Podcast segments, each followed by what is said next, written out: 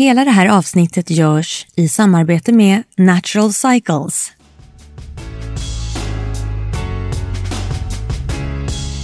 När partikelfysikern och entreprenören Elina Berglund bestämde sig för att bli gravid så var det en självklarhet att ta hjälp av sin egen fertilitetsapp. Och hon blev gravid på första försöket. Mitt namn är Lolo Bratt och jag är Mamas chefredaktör. Dagens avsnitt av mammapodden görs i samarbete med Natural Cycles och du kommer att få höra Elina berätta om sin personliga resa till att bli mamma. Natural Cycles är en app som du kan använda både i preventivt och planerande syfte då den talar om för dig exakt vilka dagar som du är fertil. Är du nyfiken på att testa Natural Cycles så har vi på Mamma ett riktigt bra erbjudande till dig just nu. Om du går till naturalcycles.com code, alltså snedstreck CODE och köper en årsprenumeration för 590 kronor så får du både en termometer och 15 stycken ägglossningstest på köpet till ett värde av 289 kronor. Använd koden MAMA. Min familj består av eh, min man Raoul, min dotter Alba som är fem och min son Elio som är två och en halv månad.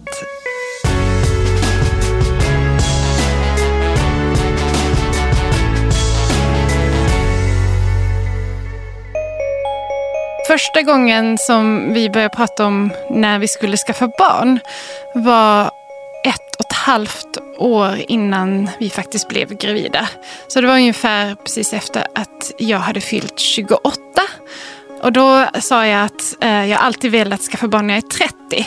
Så då passade det ju bra att, att faktiskt tillverka barnet när jag är 29 så att det så här fint kommer ut när jag är 30 år gammal. För det var dags att ta ut min p-stav som skulle gå ut och då vi bestämde att jag inte skulle sätta in en ny p-stav. För att vi då skulle bli gravida om ett och ett halvt år så tänkte vi okej, okay, men då kanske det är bättre att låta kroppen vara och återgå till ehm, det normala under den här tiden. Så det var också ungefär då som jag började googla vad finns det för preventivmedel om man inte vill ta hormonella preventivmedel och inte värt att sätta in en spiral. Och det är ju ganska tråkigt att använda kondom hela tiden.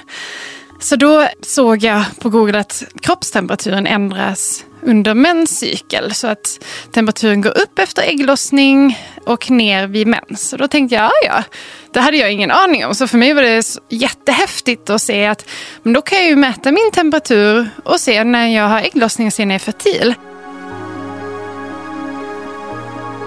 Och jag är ju då partikelfysiker från början så att det där med att nörda in sig i data är väl det jag tycker bäst om av allt möjligt. Så jag började mäta min temperatur och eh, såg då tydligt när jag hade ägglossning och inte och kunde då räkna ut när jag var fertil och inte och började då skapa en algoritm som gav röda dagar om vi behövde skydda oss den dagen och gröna dagar om det inte fanns någon risk för graviditet och vi inte behövde skydda oss.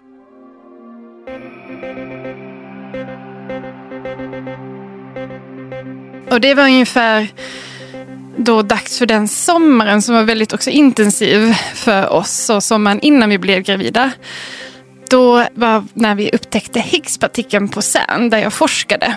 Som sen ledde till Nobelpris för de teoretikerna som hade förutspått Higgspartikeln 40 år tidigare.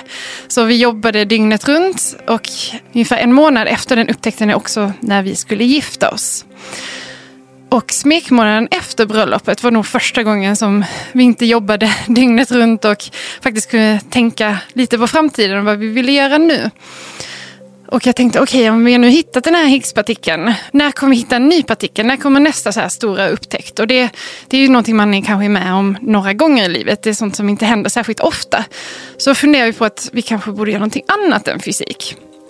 Och då kom den här algoritmen upp och Raoul, min man, han föreslog att men ska vi inte göra den till en app så att alla kan undvika graviditet på naturlig väg om de vill det av olika anledningar. Och det tänkte jag att jo, det är faktiskt en riktigt bra idé. Det låter spännande. Så jag tror det var ungefär på vår smekmånad som vi bestämde oss för att ja, men vi, vi gör en app och vi, vi döper den till Natural Cycles. Och så ser vi vad det leder till. Så då jobbade vi på det från Schweiz där vi fortfarande bodde. Då när det snart var dags, ungefär samtidigt som vi lanserade appen, då visste vi ju att vi ville bli gravida sommaren efter. Och vi såg att jag skulle ha ägglossning exakt ett år efter vi hade gift oss på vår första bröllopsdag. Så tänkte jag, ja, ja, vi bokar en, en resa till, till södra Schweiz och eh, ja, så, så kör vi.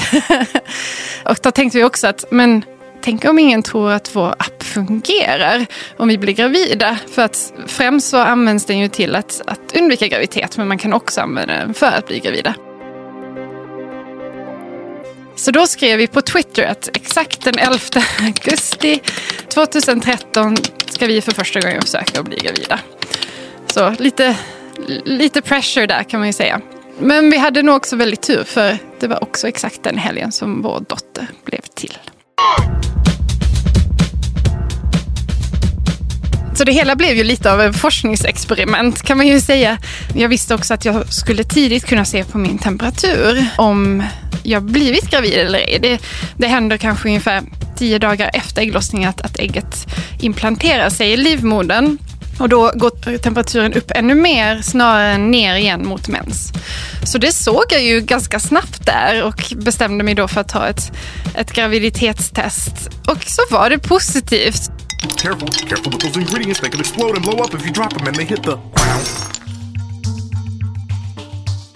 Som många andra så mådde jag ganska illa första trimestern.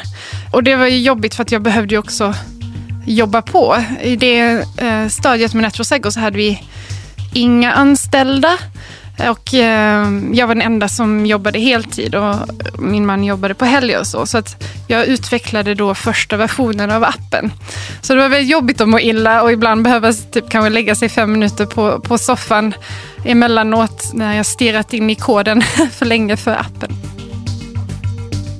Jag jobbade till sista, eh, sista timmen nästan. Ska säga. Inte sista timmen, men jag tänkte att jag, eftersom jag också mådde bra så kunde jag jobba på tills eh, bebisen skulle titta ut.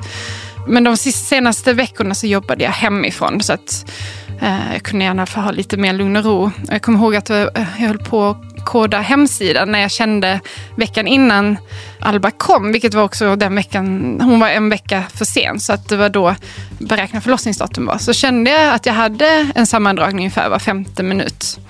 Men den gjorde inte ont i ryggen utan bara ont i magen. Så det hade jag läst att okej, okay, det är för verkar, det är inte riktiga verkar. Men jag satt där och kodade och kände de här sammandragningarna och tyckte att det var väldigt spännande att nu, nu snart så händer det.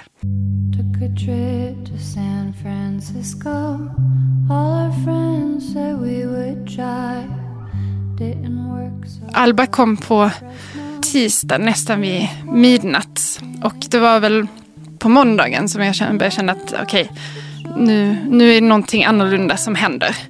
Jag tror att, att den här slemproppen gick, vilket jag inte riktigt visste vad då. Vad är en slempropp? Det hade jag inte läst på. Men jag hade fått höra av min barnmorska att om vattnet går så måste jag ringa in med en gång för att Alba inte var fixerad. Nu i efterhand så tror jag att det var för att hon inte riktigt fick plats i, i för att mina barn har haft um, tre standardavvikelser, alltså tre över på kurvan när det kommer till huvudet. Så att de är väl, har väldigt stora huvud. Och hon blev aldrig fixerad, hon kom aldrig riktigt ner i bäckenet. Så därför så sa barnmorskan att okej, okay, om vattnet går så kan det vara farligt för navelsträngen kan komma i kläm. Så då måste du ringa in. Så då på måndagen när slemproppen gick så tänkte jag okej, okay, det kanske är att vattnet börjar gå lite grann eller någonting. Så är det bäst att jag ringer in. Så jag fick komma in och de mätte dem med CTG-kurva att jag hade regelbundna verkar. Och de undersökte mig och jag var inte öppen men de sa att eh, livmodertappen var mjuk i alla fall.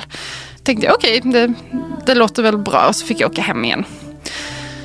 Men jag tror ungefär en, två timmar efter att jag kommit hem där på måndagskvällen så började jag känna att, att verkarna ändrade karaktär ganska snabbt. Att det började göra rejält ont i ryggen och började komma oftare, kanske var tredje, varannan minut. Så jag berättade det för min man och sa liksom att okej okay, nu, nu tror jag att någonting faktiskt börjar hända. Men han tog mig inte riktigt på allvar dock, så liksom vi fortsatte kvällen som vanligt och gick och la oss typ vid tio. Men vid det laget så hade jag så pass ont att det var inte möjligt för mig att somna. Så efter att ha legat där kanske en halvtimme, en timme och lyssnat på hur Raoul snarkar bredvid mig så gick jag in på toaletten för jag tänkte okej, okay, nej det här, jag kan inte ligga här, det gör för ont. med en gång jag satte mig på toaletten så kom en jättestark värk som gör otroligt ont och samtidigt så går vattnet så här, rakt ner i toaletten. Så det var ju bra för då slipper man ju städa. Men då såg vi också, eller jag, att eh, hon hade bajsat i fostervatten för det var en massa sånt grönt eh, mekonium, tror jag det heter. Och det har man ju, hade jag läst att det kanske betyder att bebisen är stressad. Men det kan också vara så, i och med att det hade gått en vecka över, att, att det är helt enkelt så att det är bara för att man gått över tiden att hon faktiskt behöver bajsa helt enkelt. Eh, så jag oroade mig inte så mycket över det. Men jag hängde där i badrummet i, jag tror, kanske en, två timmar själv. Och liksom klockade verkarna med mobilen. Och sen tänkte jag att nej men nu, nu får jag väcka Raoul.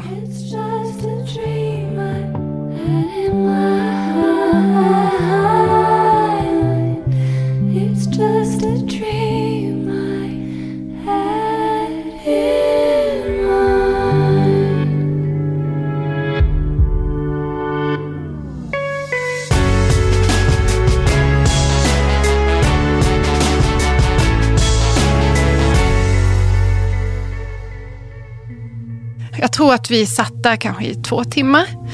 Han på toaletten och jag i duschen. Och jag märkte att han blev mer och mer stressad. För att jag hade sagt innan liksom att okay, när man har verkar varannan minut i en timme, det är då man ska åka in. Men jag försökte vara så extra duktig och, och, dra ut på den här tiden. För att jag hade ju också förstått att är man först föderska så kan det ta lång tid. Och jag ville på något sätt vara ännu bättre än vad man skulle vara på något sätt. Så här, tävlingsmänniskan i mig. Men efter då ett par timmar så övertalade han mig att ringa in. Och då ringde jag in till BB Sofia som precis hade öppnat ungefär en månad innan. Så man fick bara föda där då om, om, man var, om allting såg normalt ut. Och eh, man hade gått mer än 37 veckor. Men vad som var väldigt skönt var att det inte var så fullt där. Så att de hade gott om plats. Så det är inte så att man var tvungen att försöka hitta något annat ställe att åka till. Så den stressen slapp vi. Så de sa att vi fick komma in. Men jag försökte ändå ta det ganska lugnt och inte stressa in. Och så fortsatte jag ha de här verkarna hela vägen. Så jag kommer ihåg att jag gick ut från porten, tog en verk mellan porten och taxin, satte mig i taxin. Fick då, det tog kanske tio minuter till BB Sofia. Det var mitt i natten ju. Fick väl två, tre verkar i taxin. Och sen kom jag ut ur taxin, tog en verk utanför taxin och till slut liksom kom, kom in. Och så kommer jag också ihåg att jag liksom nästan, nästan kom hela vägen in på rummet men då fick jag en väg precis innan och ställde mig mot väggen där då. Och det kändes allting väldigt bra ändå. Så här, typ, okay, det är precis som jag har läst, det är så här det ska vara. Och det gör väldigt ont men jag klarar det. Och så gick jag in och blev undersökt och se, säger de att jag bara är två centimeter öppen. Och då på något sätt så raserade allting för mig. Och jag kände att nej men det här, här går inte, det här kommer inte gå, någonting är fel. Om, om jag haft så bra verkar i så många timmar, bara är två centimeter öppen. Det, och att vattnet har gått, nej.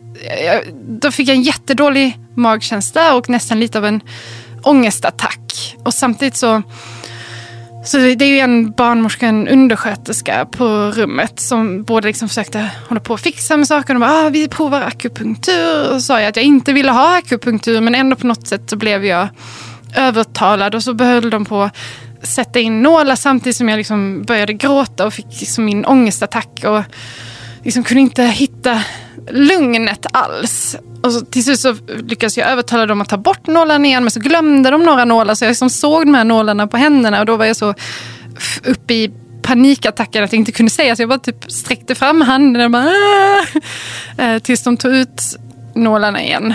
Efter ett tag så, så frågade de om jag ville bada för det fanns ett badkar där på rummet. Eh, och det ville jag för det gick ju bra i duschen hemma. Och då satte mig i badkaret och då kom hon dit med eh, lustgasen. Så att jag skulle kunna prova den. Och på något sätt hade jag bestämt mig för att lustgas nog inte var för mig. För jag mår väldigt lätt illa. Och hade läst att det kan man må ännu mer illa av. Jag försökte nog två veckor med lustgasen. Och sen på något sätt så ville jag nog också vara lite extra obstinat av någon anledning. Och sa att nej det här funkar inte för mig. Men det skulle jag ju tänkt om, tänker jag nu i efterhand. Jag skulle nog försökt lite mer med den här lustgasen. Eh, men det var när hon gick iväg med lustgasen och min man kom istället till badkaret. som jag äntligen kunde lugna ner mig lite. Liksom, han gav mig en kram och jag kunde andas ut igen. Eh, och jag såg att det började bli ljust ute. För det var, klockan var väl då kanske två, tre på morgonen och det var maj i Sverige. Och jag, då tyckte jag att, att det var härligt att det blev ljust så tidigt. Det är väl det positiva med Sverige. Om man måste vara uppe på natten att, på sommaren att det är ljust. Så då lyckades jag lugna ner mig lite. Men vid det laget så, så gjorde verken så otroligt ont. Alltså varje verk som kom så tappade jag helt mitt lugn och klarade inte av det. Så efter kanske en timme i badkaret så sa jag nej nu, nu vill jag ha epidural. Och då sa hon, ja det förstår jag. Så på något sätt kände jag mig ändå lite bekräftad där. Och då undersökte de mig igen och det hade gått en timme och jag var då öppen tre centimeter. Så jag hade då öppnat mig en centimeter på den timmen, vilket ju är normalt. Och de gav mig epidural eh, trots att det bara var tre centimeter, för de såg ju hur ont jag hade och hur ofta jag hade verkar som också var längre än en minut. Så det var mer än hälften av tiden som jag var inne i den här verken. Men tyvärr så, eh, vad jag skulle ha fått är att de kopplar in epiduralen med en sån här eh, monitor som man kan trycka på en knapp och, och, ge lite hela tiden. Men de hittade ingen slang som var lång nog. Så att istället fick de bara injicera en stor dos som då håller en till två timmar. Och sen får narkosläkaren komma igen och ge en till dos. Tänkte jag okej, okay, lite konstigt men alright. Så mycket riktigt efter en två timmar så, så börjar, börjar all smärta komma tillbaka. Och då ber jag om epidural igen. Och då får man ju såklart vänta på att den här enda narkosläkaren där ska komma. Och det gjorde hon och gav en, en ny spruta in i, eh, i ryggmärgen. Men den här gången hjälpte det inte. Ja, det tog ett tag innan de tog mig på allvar att det inte hjälper. Och då såg de att den epiduralen hade åkt ut ur ryggraden. Så de var tvungna att sätta om den. Så tejpade de fast den riktigt ordentligt på ryggen. Det var också jobbigt och det kändes också igen väldigt stressigt. Jag öppnade mig väldigt, väldigt lite. Och jag fick jättemycket verkstimulerande dropp och jag hade mina verkar hela tiden, varannan minut, som, som det verkar som att jag nästan alltid har. Men eh, inget hände. Och nu i efterhand förstår jag också att båda mina barn har legat mot mitt vänstra höftben snarare än neråt. Och jag tror att i och med att de, deras huvud också då inte trycker på livmodertappen så det är inte lika lätt att öppna sig då. Någon gång på eftermiddagen så var jag fortfarande bara öppen 4-5 centimeter. Då har jag ju redan inte sovit en hel natt. Så kom läkaren in och sa att det kanske blir kejsarsnitt. Men jag av någon anledning var väldigt rädd för kejsarsnitt. Det hade jag liksom skrivit ner i mitt förlossningsbrev att nej, jag vill inte ha kejsarsnitt. Jag tänkte liksom att om det är jobbigt att föda barn när det redan finns en öppning måste det vara ännu jobbigare där det inte finns någon öppning alls. Man måste skära upp allting. Och jag har också aldrig haft någon operation eller så, så jag visste inte vad det riktigt innebar. Så de sa okej, okay, då försöker vi lite till då. Så efter det så, så kom nog det som jag tyckte var värst under hela förlossningen. Vilket var när de eh, insåg att nu var jag 10 centimeter öppen och detta var sent på kvällen, 10 på kvällen tror jag. Eh, men hon kom fortfarande inte ner med huvudet. Så då tog den här läkaren in eh, handen eller händerna och försökte då dra runt det som är kvar av livmodertappen runt hennes huvud så att huvudet kan komma ner. Och det gjorde något så fruktansvärt ont. Alltså jag, där och då tänkte jag att nej, jag, jag dör hellre. Jag vill, jag vill inte vara med om det här. Det här går inte.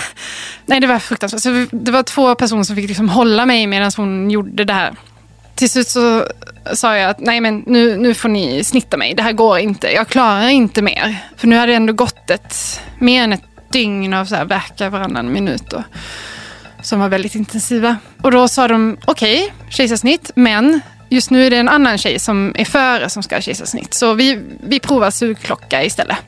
Så läkaren gick iväg för att hämta sugklockan.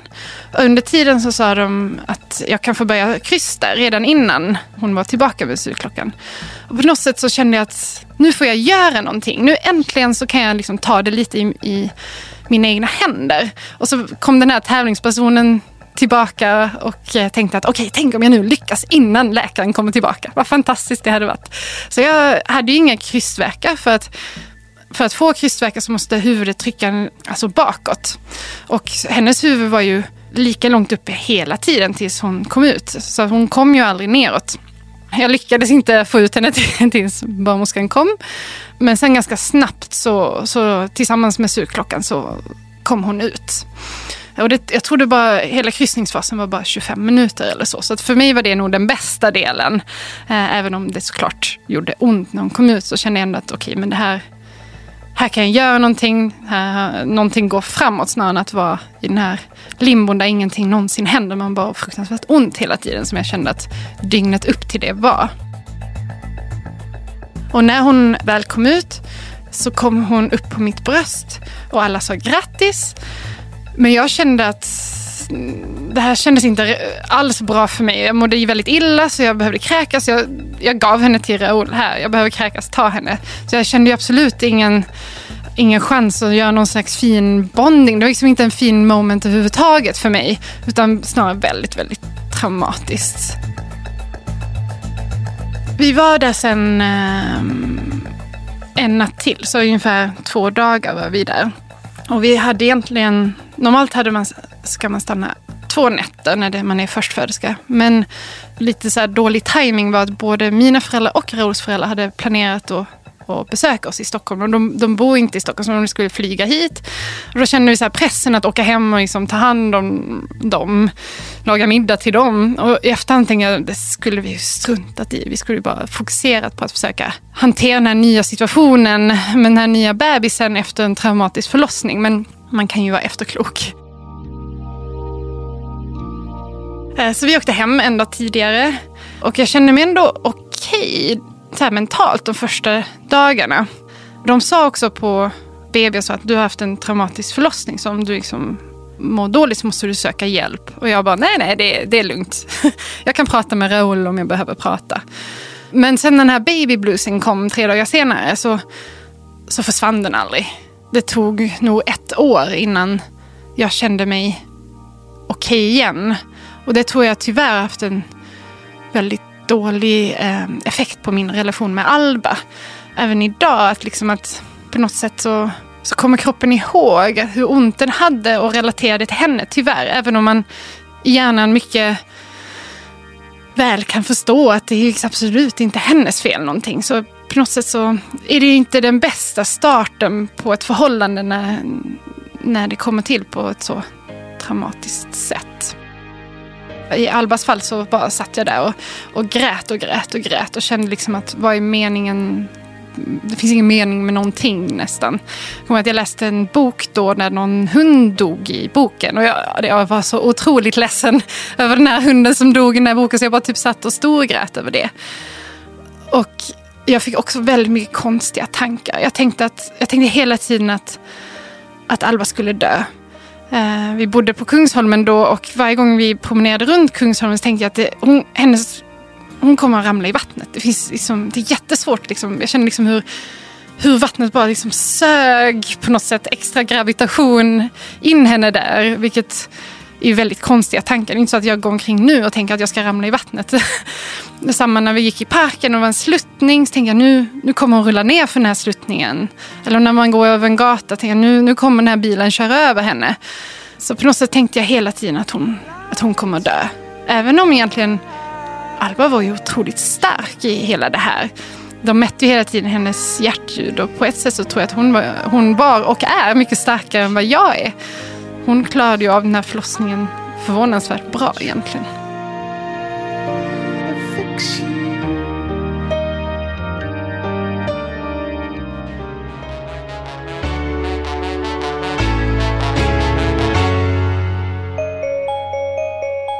Det är roligt när man, när man har Instagram och alla bara postar massa söta bilder på bebisar, hur det, hur det ändå påverkar en.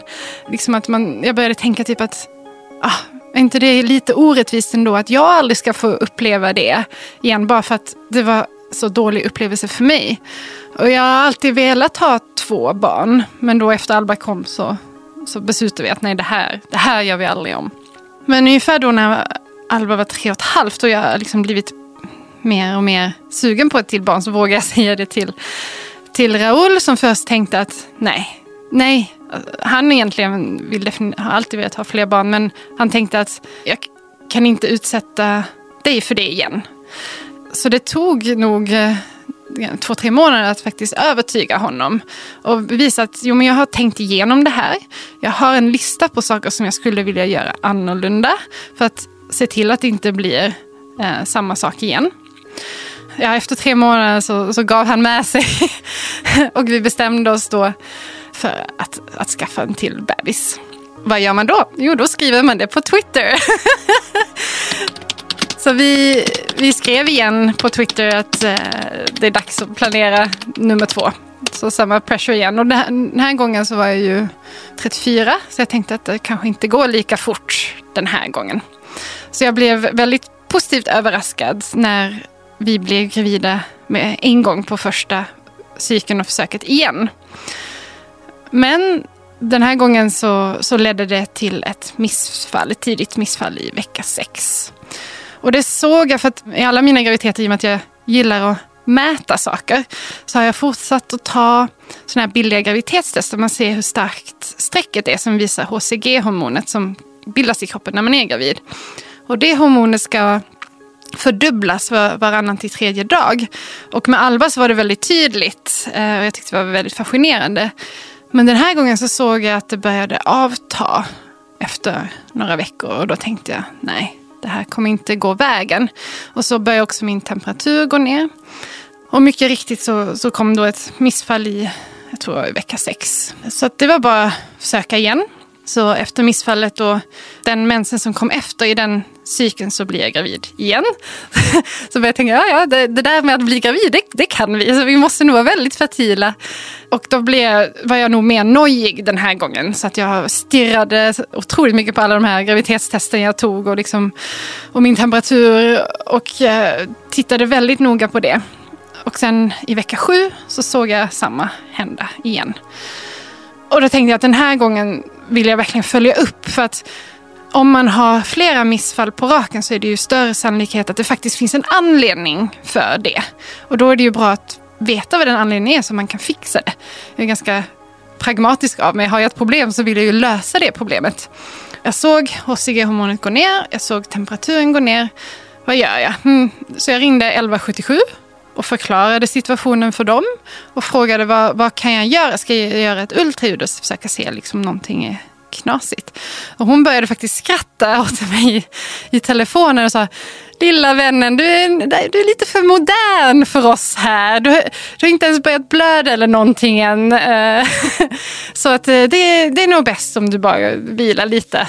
Men man kan ju ändå boka en tid hos en gynekolog. Så det gjorde jag gick till den här gynekologen. Det första hon gjorde var då att börja snurra på den här pappersgrejen där man ser, eh, räknar vilken vecka man är från första mens. Och jag vet ju att det är inte särskilt precis. Man räknar ju då med att man ska ha ägglossning 14 dagar efter mens. Har man inte ägglossning 14 dagar efter mens så är inte det stämmer inte det här, det här pappersarket. Så jag försökte förklara för henne att jag faktiskt vet när jag hade ägglossning. Jag kan säga exakt vilken vecka jag är i. Men det trodde hon inte på. Hon trodde inte ens på att, att jag visste att jag var gravid. Så hon tvingade mig att göra ett graviditetstest, vilket då var positivt. Till slut gick hon med på att göra ett ultraljud men såg inget speciellt. Och sa då istället, ja men vi ser ingenting nu men boka en tid om två veckor, då ser vi säkert någonting. Jag bara, men varför ska jag boka en tid om två veckor om jag kommer att få missfall om två dagar? Men hon, hon ville inte tro mig eller lyssna på mig. Så jag snällt bokade då en tid om två veckor. Och fick såklart missfall två dagar senare och tänkte okej, okay, men då, då avbokar jag den tiden om två veckor. Då var jag vecka sju och missfall igen. Och då tänkte jag, nej men nu, nu vill jag inte ha ett till missfall. Så jag började läsa på, ta blodprov och mäta olika halter. Till exempel eh, hade jag tillräckligt eh, bra halter med eh, zink och koppar östrogen och progesteron. Och eh, började då dels ta, för jag såg att min lutealfas, vilken tid mellan ägglossning och nästa mens, hade blivit kortare efter min första förlossning. Och då kan det hjälpa att ta extra progesteron efter ägglossningen i vissa fall. Så det gjorde jag. Det skadade i alla fall inte. Och så tog jag eh, extra zink, för jag var lite låg på zink. Och så tog jag små, små doser av, av, ja, av aspirin, tror jag det heter. Som kan hjälpa om man, om man har små blodproppar. Jag vet inte om det hjälpte, men det skadar i alla fall inte. Och då nästa gång vi blev gravida, vilket var två cyklar senare, så det var faktiskt en cykel däremellan som vi faktiskt inte blev gravida, vilket var också lite snopet, så blev vi gravida med Elio.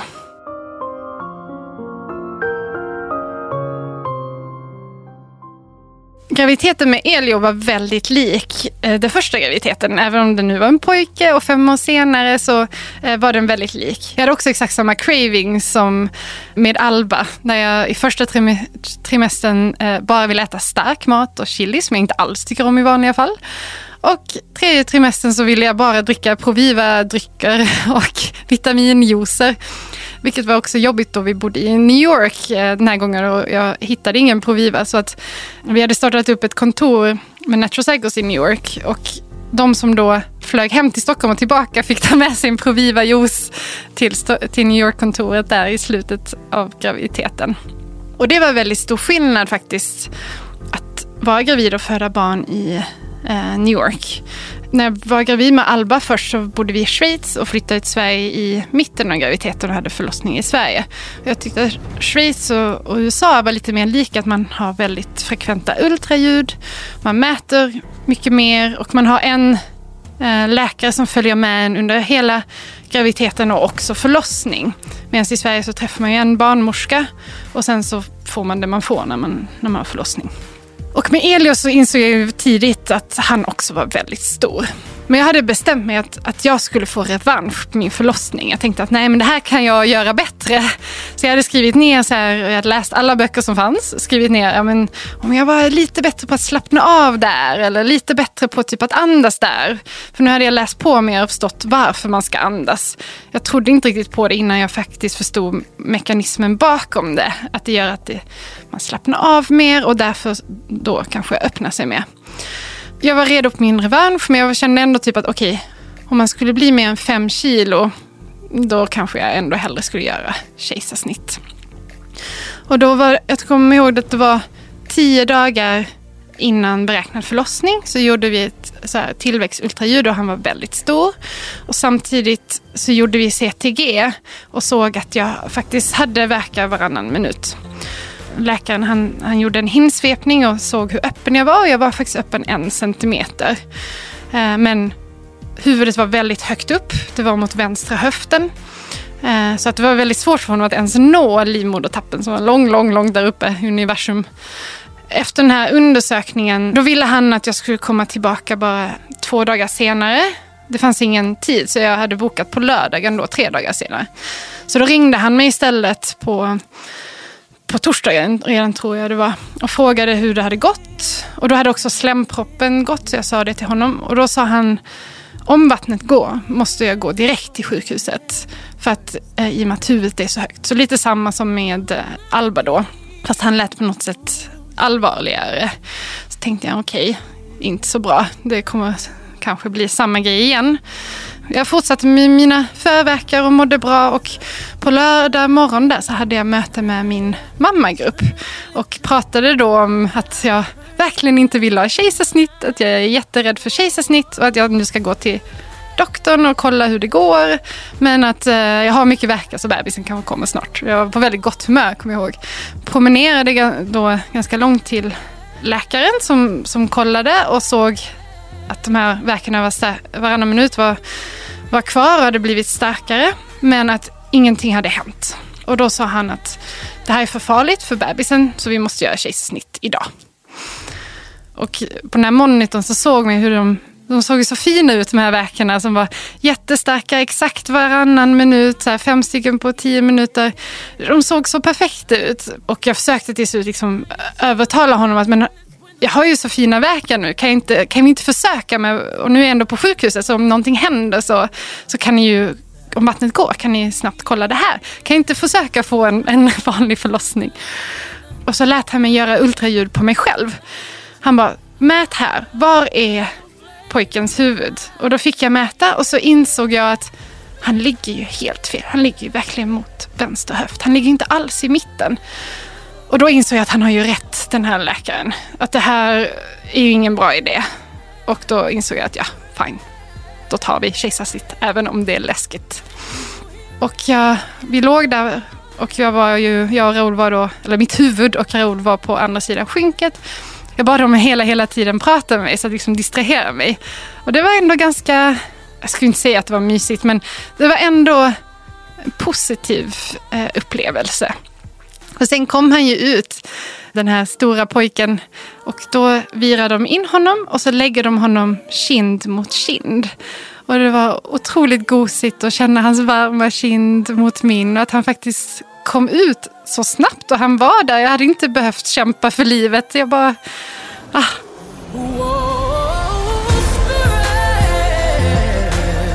Och när babybluesen igen blev jag emotionell men lycklig istället för att jag blev nedstämd. Så allting måste jag säga har varit otroligt mycket bättre den här gången.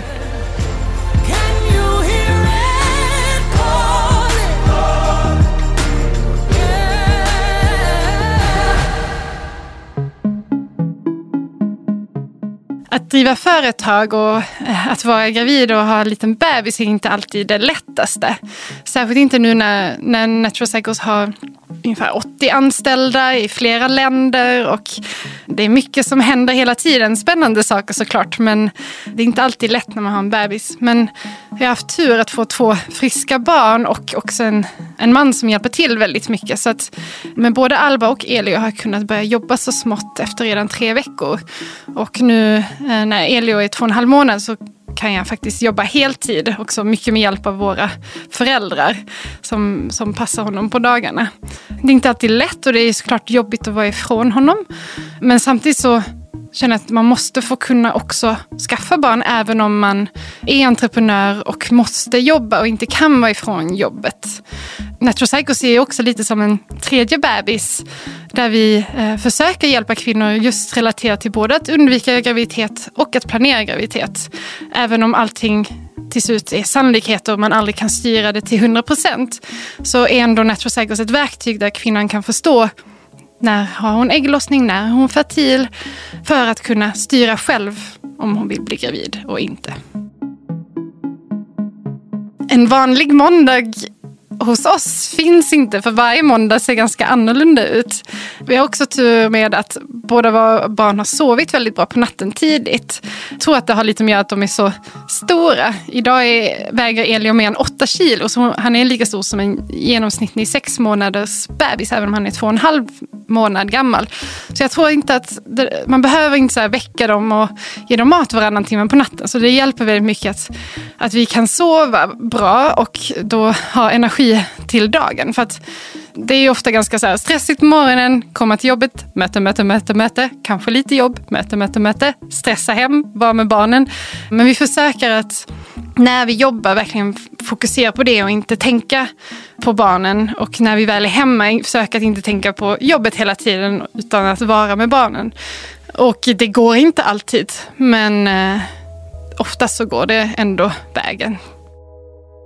Det roliga är att efter Alba så tog det tre år innan jag ens tänkte tanken att man kanske skulle vilja skaffa till barn. Även om jag alltid velat ha två barn. Jag har aldrig velat ha tre barn. Men när Elio var bara två veckor gammal tänkte jag men det här var ju faktiskt jättehärligt. Kanske skulle kunna göra det igen. Men samtidigt så, ah, bara för att det inte var en dålig upplevelse, inte så att man måste göra det igen. Och vi har ju två fantastiska barn. Så att, eh, jag tror vi nog nöjer oss med det. Men jag skulle inte säga att det aldrig kommer hända, det vet jag inte. Vi får se.